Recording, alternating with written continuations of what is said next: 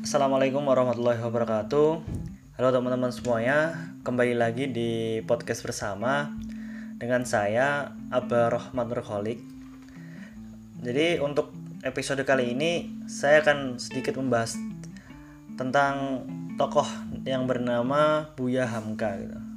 Mungkin teman-teman juga sudah tidak asing dengan beliau.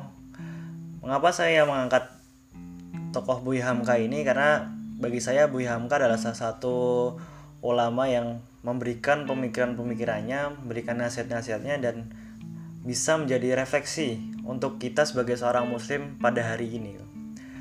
Nah, ketika saya membaca salah satu buku yang yang berjudul Ayah yang ditulis oleh Irfan Hamka, buku ini adalah buku yang menceritakan tentang perjalanan perjalanan hidup dari Buya Hamka itu sendiri yang di dalamnya terdapat nasihat-nasihat dan juga cerita yang membangkitkan giroh kita sebagai seorang muslim dan masih banyak lainnya gitu. Maka ketika saya membaca buku ini Buya Hamka adalah salah satu tokoh yang memberikan kita contoh bagaimana menjadi seorang muslim itu harus mempunyai sebuah prinsip gitu. Dan Islam itu adalah agama yang sempurna dan bagaimana tugas kita sebagai seorang muslim untuk bisa mendakwahkannya. Bagaimana Islam adalah agama rahmatan ilal alamin dan agama ini juga memiliki prinsip-prinsip dan batasan-batasannya. Nah, berbicara tentang Buya Hamka, Buya Hamka sendiri memiliki nama asli ya, yaitu Haji Abdul Malik Karim Abdullah atau disingkat Hamka. Dan teman-teman perlu ketahui bahwa nama Hamka ini adalah nama pena beliau ketika menulis di salah satu majalah atau surat kabar di kota Medan, Sumatera Utara. Gitu. Nah, Buya Hamka ini terkenal sebagai seorang ulama, seorang pujangga, penulis, dan juga pemikir Islam. Nah, Buya Hamka ini adalah salah satu ulama karismatik yang hidup pada masa penjajahan Belanda, Jepang, sampai masa kepresidenan Soekarno. Gitu. Nah, dalam buku itu juga dijelaskan bagaimana perjalanan hidup beliau adalah perjalanan hidup yang keras, sehingga membentuk kepribadian Buya Hamka yang hebat, cerdas dan kuat dalam menjalani segala tantangan-tantangannya. Nah, Buya Hamka sendiri lahir di tanah Sirah, Danau Minanjau, Sumatera Barat. Dan Buya Hamka ini merupakan keturunan dari ulama terkemuka pada masanya di Tanah Minang, yaitu Haji Abdul Karim Amrullah atau biasa dikenal dengan Haji Rasul. Sementara ibunya sendiri bernama Siti Safiyah Tanjung binti Haji Zakaria atau biasa dikenal dengan nama Gelanggar, seorang keturunan bangsawan dan hal inilah dari orang tuanya sendirilah yang membuat Hamka ini anak merupakan anak dari seorang ulama dan juga seorang bangsawan dan menyebabkan kedudukan beliau itu menjadi terhormat di masyarakat.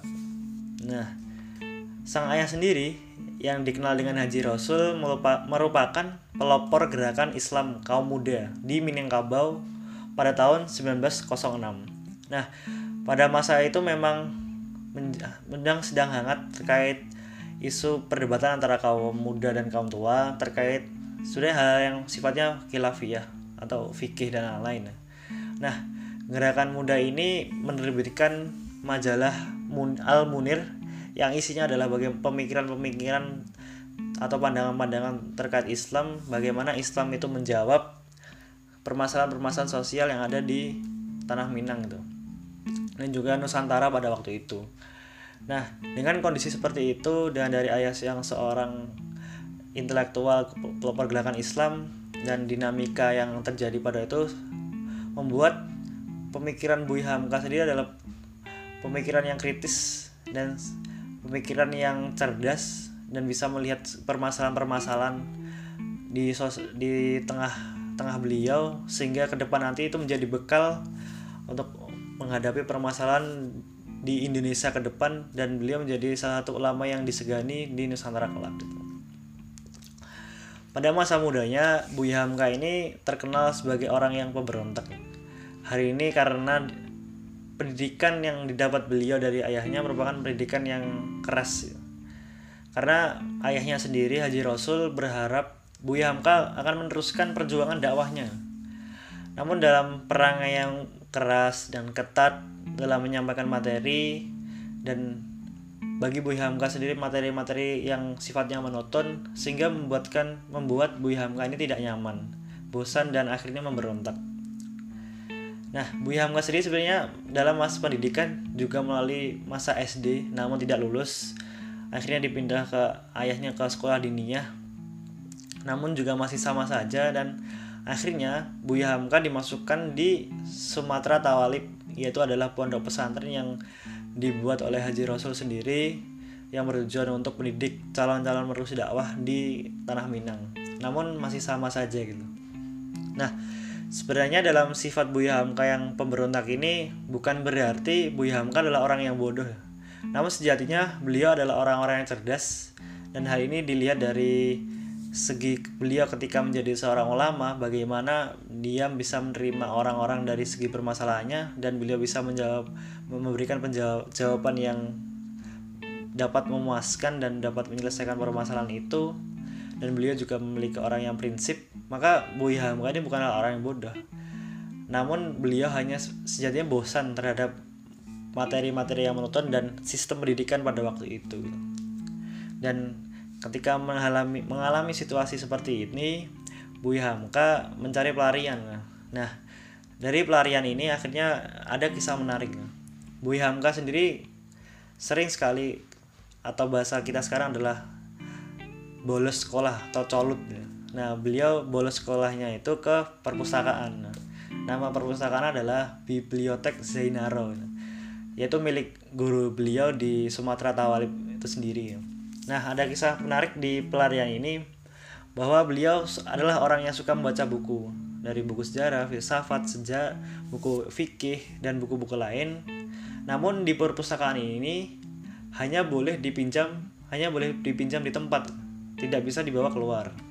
Dan hal ini yang membuat Buya Hamkas sedikit apa ya sedikit kecewa bagaimana beliau bisa menghabiskan waktu membaca buku di perpustakaan atau apakah dia hanya akan menghabiskan waktu dengan membaca buku di perpustakaan nah akhirnya beliau memiliki sebuah ide bagaimana cara dia untuk membawa buku ini itu keluar gitu dari perpustakaan itu.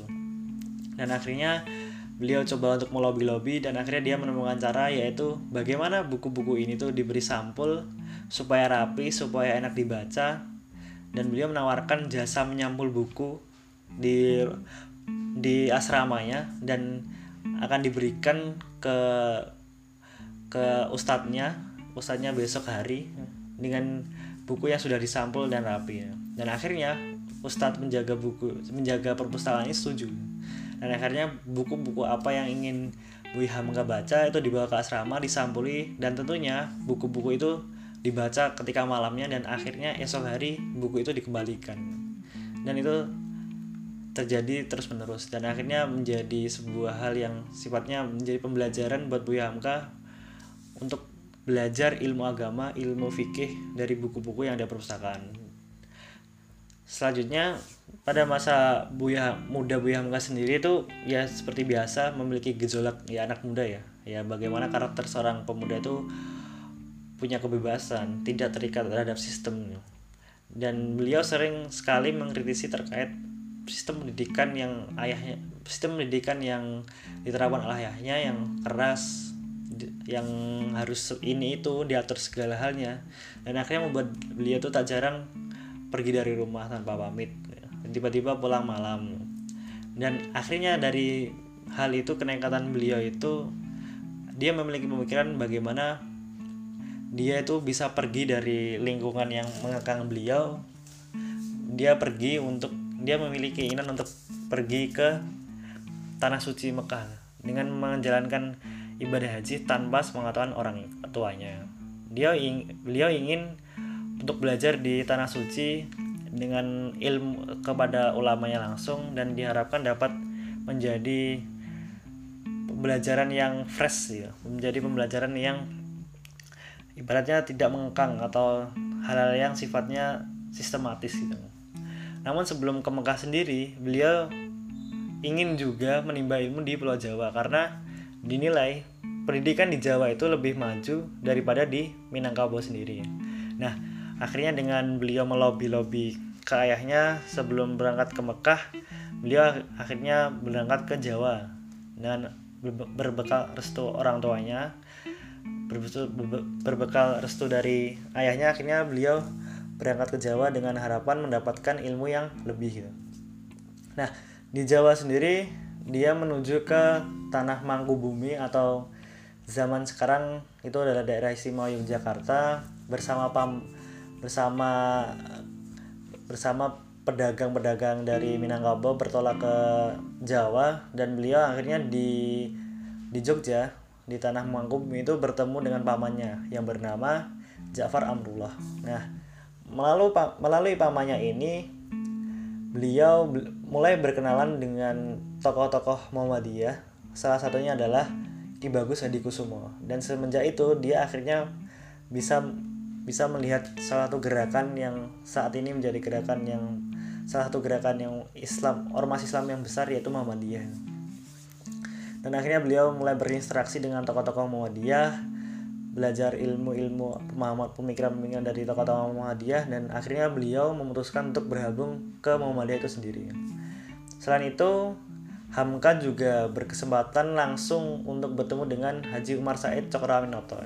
Nah, akhirnya ketika dia bertemu dengan Cokrawinoto, Haji Umar Said Cokrawinoto, akhirnya dia beliau memahami bagaimana alasan SI Syarikat Syarikat Islam ini mengangkat Islam dan sosialisme karena Pak Cokro sendiri memandang bahwa Islam dan sosialisme adalah alat perjuangan perjuangan untuk kita seorang muslim itu menuntut hak haknya dengan kaidah-kaidah agama dan juga dapat menciptakan keadilan bagi seluruh rakyat yang ada di tanah Jawa pada waktu itu. Dan akhirnya beliau memutuskan untuk bergabung juga dengan syarikat Islam.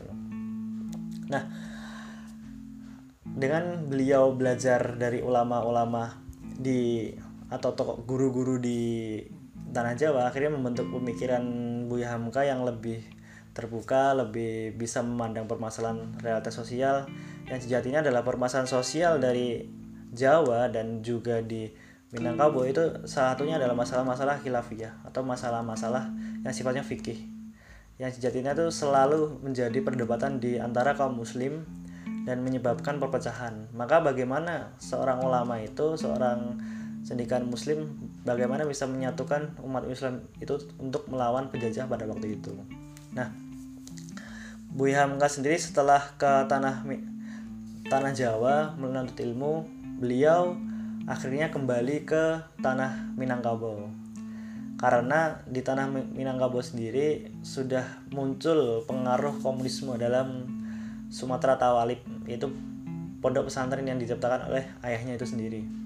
Dan dia di situ hadir sebagai seorang cendekiawan muslim untuk memendung pengaruh-pengaruh komunisme yang sudah hadir di daerah itu di tanah Minangkabau tersebut. Dan beliau coba untuk mendakwakan ilmu apa yang dia dapat di Jawa dan diterapkan di di Sumatera atau tanah Minangkabau itu sendiri. Namun ketika beliau menjalankan dakwah safari dakwah ke tanah Minangkabau, beliau malah mendapatkan tanggapan yang kurang baik karena dianggap pidato beliau itu hanya sebatas retorika belaka namun isinya adalah kosong. Dan ketika beliau juga meng, ibaratnya juga curhat kepada ayahnya dan ayahnya pun sama gitu. Hamka sendiri dipandang masih belum cukup ilmu. Secara ilmu agama pidato dan lain udah bagus. Namun bagaimana memahami dinamika masyarakat itu yang masih kurang. Dan ini menyebabkan Buya Hamka Sri merasa sedih. Dan akhirnya seperti keinginan awal dia dia ingin belajar selain di tanah Jawa adalah ke Mekah. Maka beliau membulatkan tekad bagaimana beliau bisa belajar di Mekah itu sendiri. Dan akhirnya beliau dalam menyiapkan keberangkatan itu dia mengumpulkan uang tabungan dari itu dia beliau beliau menulis dan dia kirim ke majalah-majalah surat-surat kabar dan selain itu dia juga membantu orang-orang yang ada di pasar. Namun dalam perjalanannya daerah beliau daerah tanah Minangkabau di Sumatera Tawalim ini mengalami gempa yang sangat besar sehingga menyebabkan bangunan-bangunan dakwah atau pondasi-pondasi dakwah yang dibangun Haji Rasul ayah ayah Buya Hamka itu rata dengan tanah dan akhirnya hancur. Dan itu membuat ayah beliau sedih sekali ya dengan melihat perjuangan dakwah yang runtuh di samping banyaknya pengaruh banyaknya pengaruh komunisme yang semakin menjalar di tanah Minang. Dan yang sejatinya menyebarkan pengaruh ini adalah murid-murid beliau di Sumatera Tawalib akhirnya untuk men, untuk menghibur ayahnya Buya Hamka memberikan tabungan yang tujuannya untuk pergi ke Mekah namun diberikan kepada ayahnya untuk membangun fondasi dakwah lagi di tanah Minang Nah, setelah itu akhirnya beliau coba berusaha lagi bekerja di sana sini menulis kembali untuk mengumpulkan dana sehingga pergi ke Mekah untuk mencari ilmu. Nah, pada perjalanannya sendiri Boy Hamka akhirnya dapat pergi ke Mekah dengan beliau niatkan untuk belajar agama dengan ulama yang di sana dan akhirnya beliau sampai di kota Mekah dan ketika beliau berada di Mekah, beliau bertemu dengan seorang yang bernama Hamid bin Majid Kurdi. Nah, ketika beliau dengan bertemu ketika beliau bertemu dengan Hamid bin Majid Kurdi, dia menjelaskan asal usul asal usulnya bahwa beliau berasal dari daerah Minangkabau yaitu di Sumatera, di daerah Nusantara. Dan akhirnya beliau bertukar pikiran dengan Hamid bin Majid Kurdi ini terkait agama dan akhirnya Hamid bin Majid Kurdi ini menjelaskan bahwa beliau mengagumi salah satu tokoh atau ulama yang berasal dari Nusantara juga yang juga berasal dari Minang juga tanah Minang juga yang bernama Syekh Ahmad Khatib Al Minangkabawi. Nah akhirnya Buya Hamka tinggal bersama Hamid bin Majid Kurdi. Beliau bekerja di percetakan Hamid itu sendiri dan di situ dia di situ beliau belajar banyak hal gitu terkait agama-agama karena di situ juga di percetakan Hamid bin Majid Kurdi ini terdapat perpustakaan nah, nah perpustakaan ini yang di situ terdapat buku-buku dari Syekh Ahmad Khatib Al Minangkabawi itu sendiri dan akhirnya hal-hal ini yang membuat beliau tuh betah karena di Arab sendiri di tanah Mekah beliau banyak belajar. Selain dari ulama Nusantara yang bernama Syekh Ahmad Khatib Al Minangkawi dia belajar tentang karya-karya ulama pembaharu seperti Syekh Jamaluddin Al Afghani, Muhammad Abdu dan Rasid Ridho. Nah, ketika beliau di Mekah akhirnya beliau dapat menunaikan ibadah haji rukun kelima Islam dan selanjutnya dia beliau beliau juga belajar agama kepada belajar agama kepada ulama-ulama yang ada di Mekah sampai beliau merasa betah dan beliau malas untuk kembali ke Nusantara itu. Namun pada suatu saat di kota Mekah kedatangan salah satu tokoh penting pergerakan Islam Indonesia, Syarikat Islam Indonesia yaitu Agus Salim. Nah, Haji Agus Salim ini datang ke Makkah selain untuk beribadah dan akhirnya beliau bertemu dengan Buya Hamka itu sendiri. Nah, dari percakapan Buya Hamka dengan Haji Agus Salim akhirnya Agus Haji Agus Salim menasihati kepada Buya Hamka terkait tujuan beliau datang ke Mekah itu untuk apa dan kenapa beliau itu tidak kembali ke Nusantara untuk berdakwah atau hal yang lain dan akhirnya Haji Agus Salim coba untuk menasihati bagaimana ke Mekah ini tujuan untuk apa yang dulu niatnya haji sebagai tamu Allah maka langkah selanjutnya adalah beliau itu kembali ke negeri asal untuk berdakwah. Nah, teman-teman semuanya, ya itu secara singkat itu adalah perjalanan hidup dari seorang Buya Hamka ketika beliau sudah sudah kembali ke Nusantara akhirnya beliau sendiri memiliki pengalaman-pengalaman yang sangat bisa menjadi refleksi untuk kita semuanya bahwa seorang kehebatan tokoh Buya Hamka sendiri itu sangat disegani oleh orang-orang lain atau bahkan para tokoh-tokoh pergerakan pada waktu itu. Bagaimana seorang Buya Hamka ini adalah seorang yang memiliki pemahaman yang sangat hebat dari segi Islam dengan pemahaman usul fikih pemahaman sejarah Islam. Dan akhirnya beliau menulis menulis banyak menulis karya-karya tentang Islam. Nah salah satunya adalah Buya Hamka ini yang terkenal adalah novel ya yang mungkin teman-teman juga sudah baca yaitu tenggelamnya kapal Van der Witch yang di situ adalah salah satu bentuk protes ya terhadap gerakan ya gerakan kaum kaum kaum adat di tanah Minang bagaimana dalam soal menikah itu harus ibaratnya satu agama eh satu agama satu suku itu satu suku. Dan sedangkan dalam Islam itu sendiri kita dituntut yaitu kita tuh saling harus bisa saling mengenal satu sama lain. Dan dalam soal konteks pernikahan itu bukan hanya harus satu suku namun bagaimana juga dengan orang-orang lain ya karena sejatinya seorang semua seorang semua muslim itu adalah bersaudara gitu.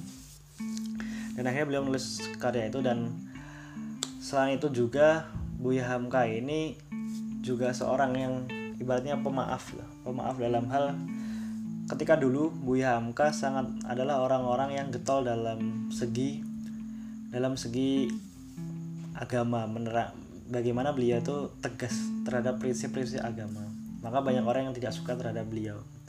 Salah satunya adalah salah seorang Soekarno proklamator kita yang ketika dulu dia dia adalah orang yang menjebloskan Bui Hamka ke penjara. Dan akhirnya ketika Soekarno wafat Soekarno menuliskan Soekarno menuliskan sebuah wasiat ketika beliau wafat maka dia ingin diimami oleh Buya Hamkas itu sendiri. Selain itu ada juga salah satu tokoh yang terkenal yaitu Pramudia Anandatur yang beliau itu sangat tidak suka terhadap Buya Hamka namun men calon menantunya sendiri calon menantu Pramudia Anandatur ini disuruh belajar ke Buya Hamka terkait pemahaman agama dan Buya Hamka itu juga mengajarkan gitu. pun sama dengan Soekarno ketika beliau meninggal dan akhirnya Buya Hamka dengan kerendahan bersedia untuk mengimami sholat salat jenazah dan beliau juga memaafkan dosa-dosa dari Soekarno itu sendiri. Dan yang paling mengagumkan adalah bagaimana seorang Buya Hamka ini adalah orang yang memiliki ketegasan dalam segi toleransi. Bagaimana dulu ketika zaman fatwa MUI ketika beliau menjadi seorang ketua MUI ya Majelis Ulama Indonesia dia tegas terhadap fatwa bagaimana seorang muslim itu tidak boleh mengucapkan selamat Natal kepada kaum Kristiani gitu. Dan beliau sangat tegas di situ karena memang ini menyangkut permasalahan akidah, permasalahan akidah dan tidak bisa diganggu gugat. Maka daripada beliau menggugurkan fatwa itu dengan da dengan permintaan dari pemerintah, akhirnya beliau memilih untuk mundur sebagai bentuk independensi seorang ulama dalam menentukan fatwa, menentukan arah bagaimana seorang muslim itu harus bisa berbuat dalam makna toleransi itu sendiri itu. Selanjutnya adalah tentang nasihat dari Buya Hamka itu sendiri. Bagaimana Buya Hamka meletakkan dasar-dasar pemikiran menjadi seorang muslim itu harus memiliki prinsip yang kuat. Dengan kita memahami ayat-ayat Al-Quran sunnah-sunnah Rasul, istiadat-istiadat dari ulama-ulama dengan dasar keilmuan yang kuat akan mem akan mewujudkan bagaimana masyarakat Indonesia ini masyarakat Nusantara khususnya umat muslim ini menjadi umat yang bisa membawa Indonesia ini menjadi lebih baik dengan nilai-nilai Islam itu sendiri. Dan juga menjadikan umat Islam ini sebagai sebaik-baiknya umat. Umat Islam sebagai contoh terhadap peradaban yang saat ini. Pada waktu itu memang sangat amburadul sekali bagaimana Islam itu dipisahkan Islam menjadi agama yang dicap sebagai pelak membangkang Islam itu sebagai agama-agama yang sifat mengajarkan mengajarkan kekerasan. Namun Buya Hamka sendiri menasihatkan bahwa kita sebagai seorang muslim itu harus memiliki prinsip ilmu yang kuat pemahaman yang kuat dan bagaimana Islam ke depan menjadi sosok guru peradaban dan itu dilihat dari umat muslim itu sendiri gitu. dan selanjutnya adalah di buku tasawuf modern yang ditulis oleh Buya Hamka juga bagaimana mengajarkan pemahaman kita sebagai seorang muslim itu terhadap bahagia. Bagaimana hari ini banyak sekali orang-orang yang mempunyai kekayaan atau memiliki pangkat yang jelek, pangkat yang tinggi atau hal lain sifatnya duniawi itu tidak membuat kita menjadi seorang yang bahagia. Maka dalam bahagia definisi Bu Hamka sendiri adalah bagaimana kita tuh bisa memiliki sifat yang konaah atau kita bisa menerima apa adanya yang ada di hidup ini bisa bersyukur terhadap pemberian Allah Subhanahu wa taala dan bagaimana kita bisa memanfaatkan apa yang kita punya itu untuk berdakwah di jalan Allah Subhanahu wa taala. Selanjutnya adalah bagaimana kita itu bisa memahami terkait kaidah-kaidah toleransi itu sendiri. Bagi bahwa dalam ilmu fikih akidah itu adalah hal yang mutlak. Bagaimana seorang muslim ini bisa memahami terkait dasar kenapa kita tuh harus harus toleransi. Batasan-batasan apa yang membuat kita tuh harus toleransi atau kenapa kita itu memiliki aturan-aturan yang sangat mengikat terhadap toleransi itu sendiri misalnya dalam perayaan hari Natal bagi kaum Kristiani bagaimana kita kita mengucapkan ketika kita mengucapkan itu secara tidak langsung kita meyakini bahwa umat umat muslim meyakini bahwa Yesus Kristus ini adalah adalah Tuhan adalah bukan sebagai seorang nabi gitu.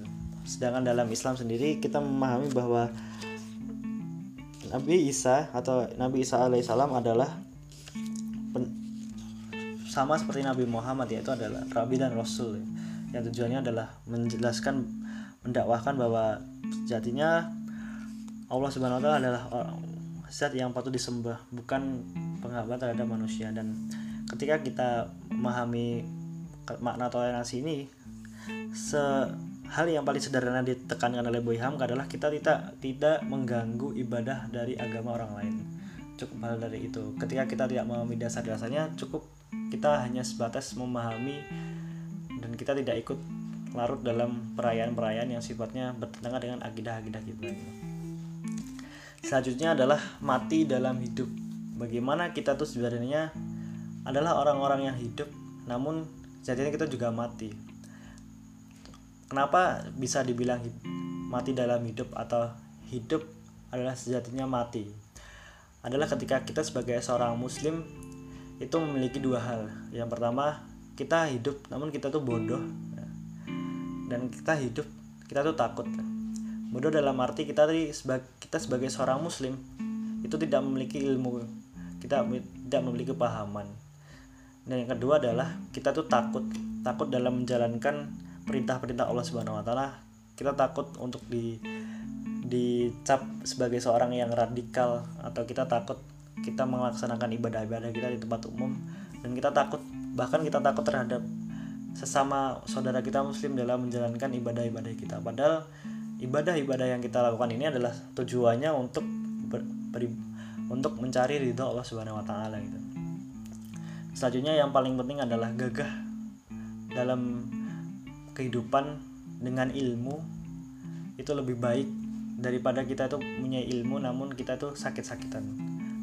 Dalam arti bahwa sejatinya pondasi selanjutnya dari seorang muslim selain kita memahami terhadap ilmu, kita juga harus memiliki visi yang kuat bagaimana seorang muslim ketika memiliki pemahaman yang baik tapi tidak ditopang tidak ditopang dengan tubuh yang kuat tidak ditopang dengan fisik yang baik maka ketika kita misal berdakwah ke sana kemari itu membutuhkan fisik yang kuat. Bagaimana kita bisa menjelaskan terhadap orang banyak terkait Islam yang rahmatan alam itu seperti apa? Bagaimana kita bisa menyontoh Rasulullah ketika dalam peristiwa hijrah beliau harus berjalan berjalan jauh menghadapi tantangan orang-orang yang mengejar beliau yang tujuannya adalah membunuh namun beliau tetap berpindah ke Madinah dengan kondisi yang sangat ekstrim juga ketika kita melihat kondisi di Saudi Arabia di Arab. Tapi beliau bisa untuk berangkat ke Madinah dengan ketika keadaan dia dius beliau diusir dan hanya ditemani satu orang dan banyak sekali hal-hal yang sifatnya kita bisa teladani dari Rasulullah Rasulullah Shallallahu Alaihi Wasallam ini dalam segi tubuh yang kuat atau jasmani yang kuat di samping dibangun dengan pemahaman yang ilmu yang baik gitu. dan selanjutnya adalah kenapa saya menulis judul ini adalah Hamka yang kecewa nah perlu teman-teman pahami dalam kisah Buya Hamka sendiri Buya Hamka adalah sosok orang yang dari awal memiliki kecewaan dalam pendidikan atau kecewaan dalam sistem pendidikan itu sendiri. Bagaimana beliau ini memandang sistem pendidikan yang diterapkan pada beliau yang keras itu akan menimbulkan pemikiran-pemikiran yang akan memberontak. Dan itu dilihat ketika Buya Hamka adalah tipikal orang yang memberontak.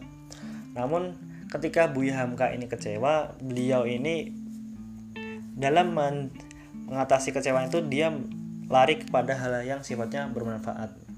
Nah, pada poin ini kita perlu merefleksikan diri bagaimana saat ini umat-umat muslim atau kita sebagai seorang muslim ini ketika kita kecewa kita itu malah lari kepada hal yang sifatnya duniawi misal minuman keras atau misal pergaulan bebas yang akan menjerumuskan kita kepada jurang kemaksiatan dan akan menimbulkan kita masuk neraka gitu nah yang bisa dicontoh dari Bu Hamka yang kecewa ini adalah ketika beliau kecewa bukan berarti beliau itu kabur minggat dari rumah dan akhirnya berfoya-foya hidup bergelimangan kemaksiatan. Namun beliau pergi untuk ke perpustakaan dan beliau pergi untuk menimba ilmu di Jawa. Beliau pergi untuk menunaikan ibadah haji. Yang tujuan adalah bagaimana beliau dapat mencari dirinya sendiri untuk lebih baik lagi dan beliau dapat membuktikan ilmu yang beliau dapat itu ke masyarakat secara umum dan memberikan kebermanfaatan dan memberikan perubahan yang secara signifikan.